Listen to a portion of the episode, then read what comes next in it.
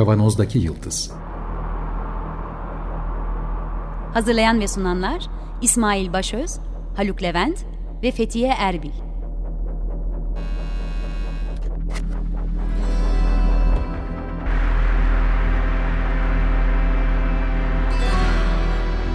Bugünün penceresinden geleceğin ayak izleri. Merhabalar Açık Radyo'dayız. 95.0 Kavanoz'daki Yıldız programında sizlerle beraberiz yeniden. Geleceğin ayak izlerini sürmeye devam ediyoruz. Geçtiğimiz yılın son programında ve bu yılın 2023'ün ilk programında 2022'nin gelişmelerinden bahsetmiştik. Haberleri e, aldık. Geçtiğimiz yılda çıkan ortaya çıkan bilimsel ve teknolojik gelişmeleri bir seri program planlarımız var. Ne yapsak giderken yine bir haber düştü birdenbire önümüze. 4 Ocak günü. Meta ee, yani bildiğimiz eski Facebook, Instagram topluluğuna Mark Zuckerberg'e Avrupa e, Gizlilik ne diyelim Privacy Verilerin Korunması Kurulu'nun mahremiyetin korunması. Mahremiyetin korunması kurulunun direktifiyle demeyelim de onun ayağı e, İrlanda olduğu için ve Avrupa merkezinin Meta şirketinin Avrupa merkezinde İrlanda'da kurulu olduğu için İrlanda Mahremiyeti Koruma e, Veri Güvenliği Kurulu tarafından 410 milyon dolar ceza verildi. Sebebi de kişisel verileri toplayıp buradan profil okuyarak reklam organizasyonu yapmaya devam etmesi. Bugün bunun üzerinden daha geniş konuşacağız. Ee, bu arada acaba öyle miydi diye şu anda ekranda gördüğüm yüz ifadesinden Fethiye bizimle beraber. Merhabalar. Tezin üçüncü izlemesinde geçtim. Sahalara geri döndüm. 3-4 aydan buralardayım. Ve Haluk burada. Merhaba. Ben de Merhaba. İsmail. Ee, Fethiye yanlış. Fethiye yanlış mı söyledim? Neyi? Ee, haberi. Haberi.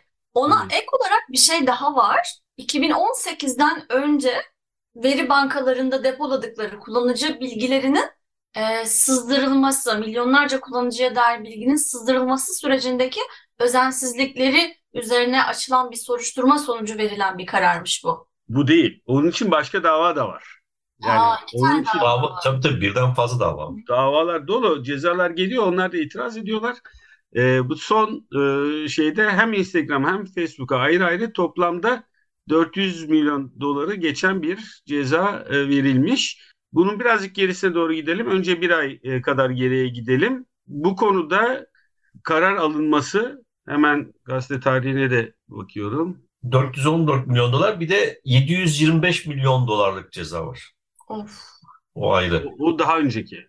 Evet. Daha Şey, önceki Cambridge. Analytica meselesinden kaynaklanan bu. Evet. E, 6 Aralık tarihli Reuters haberinde Reuters'ın başlığıyla söyleyeyim. Kişisel Meta kişisel verilere AB Avrupa Birliği gizlilik izleme kurallarına dayalı reklamlar yayınlayamaz. E, şöyle diyelim kişisel verilere dayalı o profil okuma e, ve ona göre reklam algoritmasını düzenleme konusunda bir kural, bir düzenleme yapılmış ya da bir hani bildiğimiz anlamda kanun yapılmış. 6 Aralık tarihli yani yaklaşık bir ay önce ve bir ay sonra da bu konuda ilk cezası verilmiş. Yani Ee, diyor ki bu, bu böyle reklamlar yayınlayamazsın kişisel verilere dayalı. E, kullanıcıların e, bunu yapabilmek için kullanıcıların açık rızasını alman gerekiyor. Bu bizim kanunlarımızda kişilik e, kişisel verilerin e, mahremiyeti kanunlarımızda vardı ve bu e, kanunu e, ihlal ettin diyor. Evet. Hı. Evet Fethiye doğru ama burada savunması şeyin firmaların savunması şu biz zaten uygulamalarımızı yüklerken izin alıyoruz buna diye söylüyorlar. Şimdi artık herkes biliyor ki buradaki e, ketempere eğer herhangi bir talebe bu uygulamaların herhangi bir talebine izin vermez isek yani fotoğraflarını kullanacak, telefonlarına erişilecek, konumuna erişilecek vesaire. İzin vermezsek zaten o uygulamayı kullanamıyoruz. Çalışmıyor. Hı hı. Ve bunun altına ayrıca da bunu da ekliyorlar. Ee, zaten biliyorduk bunu. Ve buna dayanarak yapılacağını söylüyor ve hukukçular da Avrupa Birliği hukukçuları da bunun geçerli bir hukuksal dayanak olmadığına karar vermişler artık. Yani e, kaldı ki bu arada parantez hadi tamam abicim bir, bir yemek firmasına e, onun aplikasyonunu yüklerken konumunu mu isteyebilir. Çünkü buraya gönderecek. Eyvallah. E ya benim telefon numaralarımı niye istiyor aynada? Ya da benim adresimle işi olmayan bir aplikasyon neden benim konumumu e, zorluyor? E, kullanmak da istiyorsun bir yandan. Mesajlarını okuma, galerine erişme, e, kişilerin Vesaire. herkese öğrenme izni istiyor. Yoksa çalışmıyor. Ve burada da tercih sunmuyor. Hayır buna bunu veriyorum, bunu vermiyorum da diyemiyorsun ve tamamen kapatıyor şarttan. Buradaki onayın benim davranışlarımı, internet üzerindeki davranışlarımı izleyerek buradan çıkarılacak profilin üzerinden reklam verilmesi dayanağını Avrupa hukukçuları tanımıyoruz dediler. Avrupa Birliği hukukçuları. Bu da senin söylediğinin devamı olarak ekleyeyim. Evet bu sadece reklam ıı, verilmesiyle de ilgili değil aslında yani onunla sınırlı değil daha doğrusu büyük ihtimalle. Çünkü burada hemen hatırlayalım Shoshana Zuboff'un ıı, davranışsal artık meselesinin temeli e, bu bu senin az önce altını çizdiğin Tamam. çerçeve oluşturduğun e, sürece dayanıyor. E Yani burada da o- zaten şey dönüyor. Behavioral advertisement lafı geçiyor. Hani Davranışsal- davranışsal reklam diye geçiyor. Yani şu yanlış anlaşılmasın. Hani Facebook'un sayfalarında görünen reklamdan bahsetmiyoruz. O birinci ve basit döngü. Evet. Yani şöyle diyelim ki herhangi bir şey yapıyoruz, e, bir aplikasyon kullanıyoruz. O aplikasyon bedava kullandırtıyor bize kendisini. Bedava kullandığımız zaman işte orada bir takım reklamlar gözüküyor. O reklamlar yine kişisel hedefleme içeren e, reklamlar olabilir. Yani bizim kendi özelliklerimize ve ihtiya- ilgi ve ihtiyaç duyduğumuz e, konulara yönelik reklamların görünmesini sağlayabilirler. Ondan e, elde ettikleri parayla da aplikasyonu finanse ediyorlar. E, belki geliştirmeyi falan da finanse ediyorlar ve biz yine bedava olarak daha yüksek düzeyde e, daha ne bileyim etkin çalışan, daha çok fonksiyonu olan e, bir aplikasyon kullanmaya başlıyoruz. Dolayısıyla bu, bu böyle bir devre var ama bu küçük devre. Bir de bunun arkasında o Shoshana Zuboff'un tarif ettiği ve hatta şematize et- ettiği büyük esas devre var. O davranışsal artığın e, üretildiği devre. Orada yine e, bu veriler toplanıyor, profile ediliyor. Yani bizim davranışlarımızı tahmin edebilmek üzere, e, öngörebilmek üzere ki gruplama işte belli e, clusterlara ayırma, o clusterlara e, herhangi birine ya da birkaçına bizi dahil etme e, ve orada da işte başkalarının da davranışlarını takip ettiği için Cambridge onlardan Analytica meselesinde bunu tartışmıştık yani seçmen profilini oluşturma. evet Hı. ama bu geniş Tabii. seçmenle yani orada müşteri siyasetçi olduğu için Evet. seçmenle sınırlıydı ama bu e, bütün bir yeni ekonomik artık Hı. üretim mekanizması olarak tanımlanıyor e, şeyde davranışsal artık dediği o. E, Dolayısıyla oradan o ürün geliştirme falan değil artık. E, Doğrudan doğruya şirketlere bizim öngörülebilir davranışlarımızın davranışlarımızı tahmin edip satıyor. Dolayısıyla çok büyük, çok daha büyük bir ekonomik değer üretilmiş oluyor. Vergisiz bilmem ne falan filan yani daha doğrusu e, işte bu İrlanda'da boşuna seçilmiş bir şey değil. İrlanda sonuçta Avrupa Birliği içerisinde en düşük vergi oranını şimdilik koruyabilen Avrupa Birliği or- orayı da Onu sıkıştırıyordu. Mesela Google'da, Meta'da, İrlanda'da headquarterları, merkezleri niye İrlanda'da değil? O şöyle Evet. e, binlerce şirketin e, İrlanda'da. Şimdi Güney Kıbrıs ya da işte Kıbrıs Cumhuriyeti diyelim. Kıbrıs Cumhuriyeti, Malta, İrlanda ve bir iki ülke daha yüzde on vergi uyguluyorlar. Şimdi Avrupa Birliği bunları sıkıştırıyor. Ama bunlar arasında İrlanda öne çıkıyor. Çünkü İrlanda bir ana dili İngilizce, Hı hı. iki e, Atlantik kıyısı yani Amerika ile Avrupa Birliği'nin tam ideal konumunda yer alıyor. O yüzden o headquarter'ların tamamı oraya konuşlandı. Avrupa Birliği operasyonlarını yürütmek üzere. O vergi avantajı oradan kaynaklanıyor yani. Ama bunu vergi avantajı kısmı yavaş yavaş Avrupa Birliği artık bu rekabeti ihlal seviyesine erişti. Dolayısıyla bunu kaldıralım falan diye sıkıştırmakta. Neyse bu parantezi kapatalım. Ee, ama öbür taraftaki o büyük döngü bir yandan gerçekten önemli bir iktisadi artık mekanizması. Çünkü o bizim davranışlarımızla başlıyor ve bizim davranışlarımızla başlamasına rağmen e, tüketicilere herhangi bir getiri el vermediği gibi tüketicileri de üretim sürecinin bir parçası haline getiriyor ve o şekilde zaten artık üretilmesinde e, sağlamış oluyor. Ve bunun peşine düştü anladığım kadarıyla Avrupa Birliği. Çünkü kamuoyunda e, büyük bir şey var, infial vardı bu konuda. Özellikle e, yayınlanan çok sayıda makale, Shoshana Zuboff'un kitabının dışında da çok sayıda kitap e, basılmaya başlandı bu konularda. Çünkü o döngü aynı zamanda büyük bir toplumsal kontrol mekanizması. Yani gözetim kapitalizmi kavramı boşuna değil. Sadece kapitalist bir ilişkiden bahsetmiyoruz. Ekonomik bir ilişkiden bahsetmiyoruz. Aynı zamanda gözetim boyutuyla büyük bir toplumsal kontrol mekanizmasından da bahsediyoruz demektir. E, bu toplumsal kontrol mekanizması çok irite etti dolayısıyla bütün toplumları ve buralarda e, bazı muhalif hareketler e, başladı bir kamuoyu baskısı oluşturdular ve bu kamuoyu baskısıyla da e, anladığımız kadarıyla buradan gördüğümüz kadarıyla ya haberlerden gördüğümüz kadarıyla Avrupa Birliği'nin çeşitli organları harekete geçmiş durumda. Dolayısıyla evet. bunun peşine düşeceklerini anlıyoruz. Ama bunu engelleyebilirler mi? İşte orada benim kuşkularım var. Şimdi, şöyle e, söyleyelim. 2018'de çok büyük bir düzenleme yapılıyor zaten Avrupa Birliği içerisinde. Verilerin korunması ve mahremiyetin düzenlenmesi yönünde bir takım kurallar, e, kanunlar çıkarılıyor 2018'de. Bir parantez, bundan 20 sene önce böyle bir kanun e, gerekli miydi? Hiç aklımıza geliyor muydu? Gelmiyordu. İşte bu da ilginç tabii hayatın getirdikleri arkasında hukuksal düzenlemeler geliyor. Öngörülemeyecek e, değişiklikler üzerine diyeyim. Böyle bir gülümsemeyle kapatıyorum tekrar parantezi. Evet burada bununla ilgili uğraşılıyor ama mesela e, yine bu cezanın verilmesine sebep olan şikayetlerden bir tanesini Max Schrems, e, 1987 doğumlu Avusturyalı avukat ama Google'a ismini yazdığınız zaman aktivist diye geliyor. privacy aktivisti.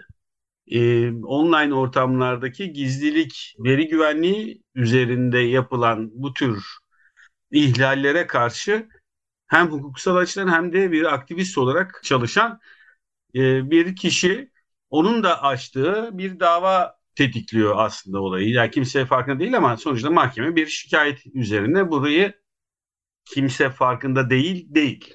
Yani birçok insan bundan rahatsız ama onun açtığı bir dava üzerinden e, şekillendiriliyor. Bir kişi daha vardı onu şu anda ulaşamıyorum. Sonuçta iki tane gerçek kişi açıyor bu davayı ve bunun üzerinden bu kanunları e, uygulamaya koyuyorlar. Avrupa Birliği'nin bu veri koruma ve gizliliği koruma e, kurulu, konseyi program başında da söylediğim gibi Dublin'e delege ediyor bu işi, İrlanda'ya delege ediyor. Ve bir e, çok da doğrulayamadım ama yanılmıyorsam Wall Street Journal'deydi. İlk başta çekiniyor. İlk başta ya bir, bir takım kurallara da uyuyorlar galiba e, diye geliyor e, İrlanda'daki ilk ön rapor. Fakat tekrar hücum ediliyor. Öyle değil buna uyuluyor buna uyulmuyor diye ve e, sonunda İrlanda Veri Koruma Konseyi bu cezayı uygun buluyor. E, buradaki hukuksal bölüşmeleri, paylaşmaları tam e, bilemeyeceğim için kurmadığını zikretmeyeyim. Sonucunda bu davaya ve bu kurallara dayanarak bu ceza veriliyor. Peki biz bundan iki sene önce ne? Üç oldu artık galiba. Yok 2021, 2023'teyiz. 2020'nin başında yaptığımız bir üç aylık seride sosyal medya konuşurken bütün ayaklarını konuşmuştuk ama ondan önce ondan sonra da gündeme getirdiğimiz bu işin en dünyada ünlü olduğu nokta Cambridge Analytica skandalıydı. Kısaca bir onu da hatırlatma geri duyuyorum. Burada ilk başlangıçta ta aslında Polonya'daki bir psikoloji doktor öğrencisinin yaptığı bir algoritma çalışması var ortada. İnsanların Facebook'taki e, anketlere katılarak verdikleri reaksiyonlar üzerinden psikolojik e, profil çıkarabilir miyiz diye bir e, çalışmaya başlıyordu. Çok uzatmayayım. E, sonra bir süre sonra üniversite tarafından çok e, heyecanlanılıyor ve üniversite bunu satmaya çalışıyor. Ve bu doktor öğrencisinin yanına İngiltere'den gelen başka bir sözüm var doktor öğrencisini ekliyorlar. Buradaki algoritma nasıl olabilir, nasıl oluyor diye e, pratikte öğrensinler diye. ilk çalışma yapan doktor öğrencisi durumu fark edip e, ayrılıyor projeden. Yani bundan sonraki hiçbir sürece katılmıyor aktif olarak en azından. Sonra bu Cambridge Analytica firması tarafından keşfediliyor. Hani var ya böyle Vikingler'de burnunu e, okşayınca ampul yanıyordu. Bunu vay bulduk diyorlar. Ve Steve Bannon e, bu ismi çok duyduk Trump zamanında. Firmanın başkan yardımcısı olan e, ilerleyen yıllarda da Trump'ın danışmanlarından birisi olan Steve Bannon. Şu anda da Neofaşist Enternasyonel'in fiili başkanı gibi davranıyor Amerika'da. Ben, Bolsonaro'yu e, kanatları altına alan adam o. Neofaşist Enternasyonel çok güzelmiş. Çok güzel. Enternasyonel bir faşizm. E, Benim uydurmam bu biraz ama. Yok be tamam. Yok. evet, birbirlerinden öğrendikleri için. E, Farkındayım evet e, evet ama yani anlıyorum zaten. Böyle bir yazı yazdım birkaç tane ben aslında. Evet. Neofaşist Enternasyonel diye. Sonra da yine üniversitede bir araştırmacı olan Alexander Kogan e, yardımıyla bunu biraz genişletip bu ikisi Steve Bannon'la Kogan şey sürüyorlar. Bir anket e, sürüyorlar. 120 basit sorudan oluşan. Hani herkesin eskiden çok rahatlıkla cevapladığı anket, anketler vardı ya. Ben nasıl biriyim? Dijital personality'm nasıl biri acaba diye. Hatta ucunda da 2 ila 5 dolarlık ödüller varmış. Ama bunu yapabilmek için kayıt oluyor. Facebook'un şartlarını kabul ederek kaydoluyor. 270 bin kişi cevaplamış o zaman bu soruyu. Ve onların bilgileri değil sadece orada tıklayıp kabul ettiği için onun arkadaşlarının da ulaşımını açmış oluyor. 87 milyon kişi olduğu söyleniyor yaklaşık. Ve buradaki insanların hareketlerini, beğenlerini, yorumlarını e, var ya like beğen derken like e, butonlarına bahsediyorum. Aslında olarak da like butonu üzerinden hareket ediliyor ve profiller çıkarılıp e, bu insanlara seçim öncesi ha Obama da dijital dünyada çalışıyor ama bu şekilde değil. Obama'nın e, o sırada ulaştığı kişiler gönüllü rıza ile katılıyorlar. Trump'ın birlikte çalıştığı bu Cambridge Analytica ekibi Facebook'un da arkasının dönmesiyle bu arada Facebook'un kendi organizasyonu direkt değil ama bir şekilde çok da hoşuna giden bir profil algoritması, profilleme algoritması. Oradan e, profilleri belirledikten sonra reklam ama şey değil, ürün satış reklamı değil, siyasi reklam organizasyonu yapıyorlar. Mesela işte Trump muhafazakar seçmenlere Meksika sınırına duvar vaadi gibi konuşmalarını gönderiyorlar. Trump'ın vaatli, vaatlerini. Bunu göndererek de otorite ve istikrar hissi yaratan bir görüntü. Ama diğer yandan da olası e, Trump seçmeni olup da Meksikalı ya da göçmen olanlara da bu mesajları gizleyip hiçbir şekilde göndermeyip mültecilere ılımlı davranma, insani yaşam koşulları sunma videolarını e, göndererek seçimi etkilemeye çalışmışlar. Şimdi e, seçimi tam olarak etkileyip etkilemedikleri hep bir muamma. Bunu biliyoruz. O zamandan beri davalar görülüyor. O zamandan beri Zuckerberg gerek mahkemelere gerekse de hem İngiltere'de hem Amerika'da parlamento önünde sorgulanmaya çıkıyor.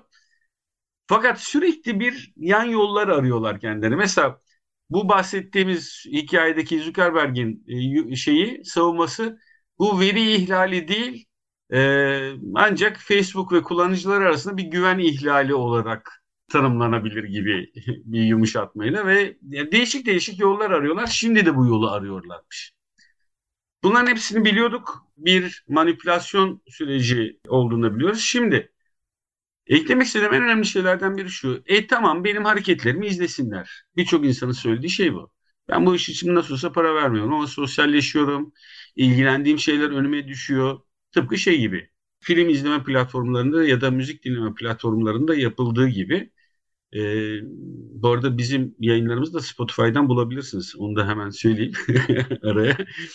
Kavanozdaki yıldızı. E, işte ilgilendiğiniz konuyla ilgili öneriler geliyor. Aa bu çok iyi bir şey. Şahane.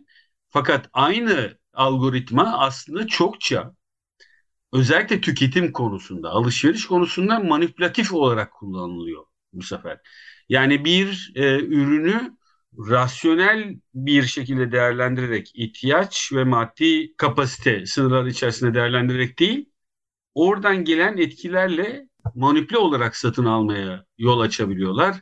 E yine bence ki bu zaten yapılmıyor muydu? Evet. Yani davranışlar üzerinden e, toplumu yönlendirme duygusal reaksiyonlar üzerinden yönlendirme 1910'ların 1910'lardan beri Edward Bernays ile başlayan süreçten beri zaten yapılıyor. Fakat buradaki en büyük tehlike şu. Topluca yapılıyordu, gruba yapılıyordu. Şimdi herkese tek tek yapılıyor. Ama biz çok özeliz zaten. Doğal olarak da bana özel olarak böyle bir manipülasyon yapılması beni ayrıca da şereflendirir tabii. Neden olmasın? bu, bu bitirdiysen bir iyi bir kötü haberim var. Evet. Özel değilsin. Kötü haberim şu. Mark Bey, Mark Zuckerberg 2022 yılına 125 milyar dolarlık bir servetle başlamış. 48.9 milyar dolarlık bir servetle bitirmiş. Aa çok üzüldüm. Yemeğe gideceydik. Mark, Sadece Mark için. Mark ve Mark'ı sevenler için. Ee, iyi haber şu. Parasını Türk lirasına mı yatırmış? Yok, daha kötü. Ee, senin bahsettiğin süreçte hep bizim o şeyde de çok üzerinde durmuştuk. Ee, uzun sosyal medya serisinde bunların toplayamadığı tek, düzgün toplayamadığı tek veri duygularla davranışlar arasındaki bağı e, yapacak. O yüzden Metaverse'ü çok e, Çok önemsiyordu değil mi? Bu önemsiyorlar. İşte Metaverse'ü kurmaya çalışıyorlar falan filan. Bu konuda çok ciddi bir adım yapmış, atmış e, Zuckerberg. Bir gözlük şirketi almış Hollanda'dan. Luxexel diye bir şey. Bu VR gözlükleri, virtual reality. e, Ee, işte ondan Evet. şimdi o hatırlıyorsun o Aha. böyle insanın bütün suratını kaplayan ağır baş ağrısı falan bu öyle değil.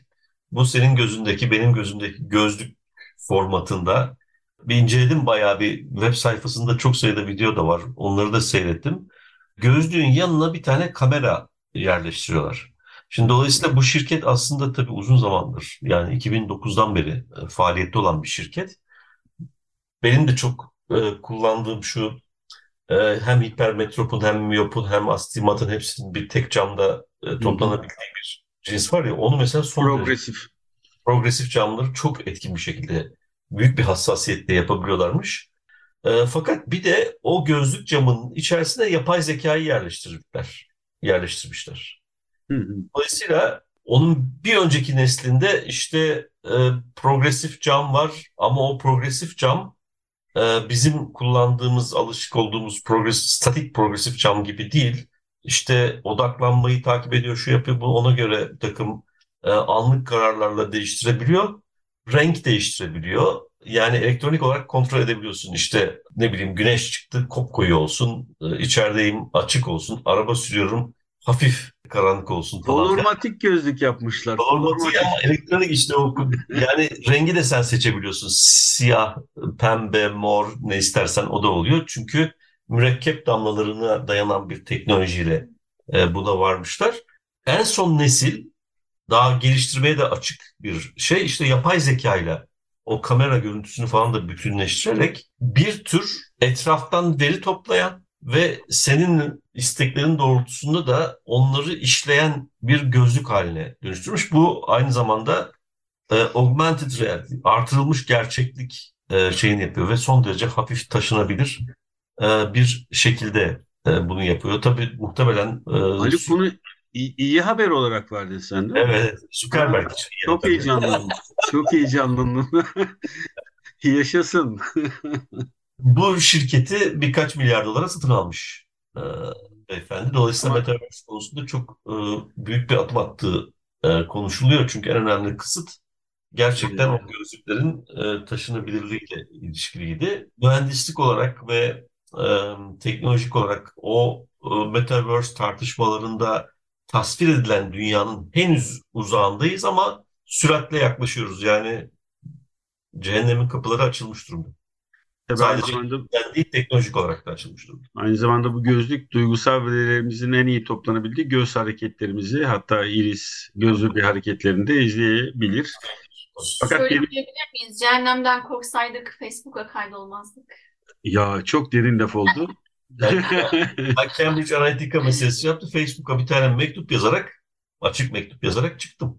Hesabımı kapattım. Hisseler o zaman düşmeye başladı İsmail o mektuptan sonra. Yok ama şeyde düşmüş. Yüzde yüzde yedi zararı uğramış. Gene programımızda daha önce konu ettiğimiz e, Apple firmasının uyguladığı, yeni modellerinde uyguladığı takip edilmek istemiyorum.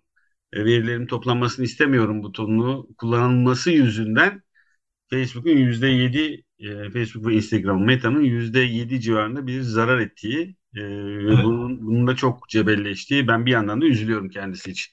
Orada ee, bir şey de var. Brave diye bir browser da var. Mesela o da çok etkili. Ee, bütün bu admin şeyleri, reklamları, e, seni izleyen e, cookie'leri, şunları bunları falan engelliyor. Ha, bilmiyorum. Bir de counter var. İşte e, sürekli o böyle dönüyor. Dolayısıyla aslında o counter'a bakarak ne kadar saldırı altında kaldığımızı da görebiliyorsunuz. Yani benim ha, Brave mi adı? Brave evet. Brave diye yazılıyor.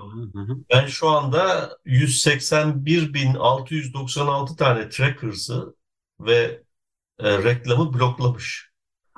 8.16 GB'lık bandwidth tasarruf sağlamış ve 2,5 saatlik tasarruf sağladığını söylüyor. Şey gibi hissettim ya.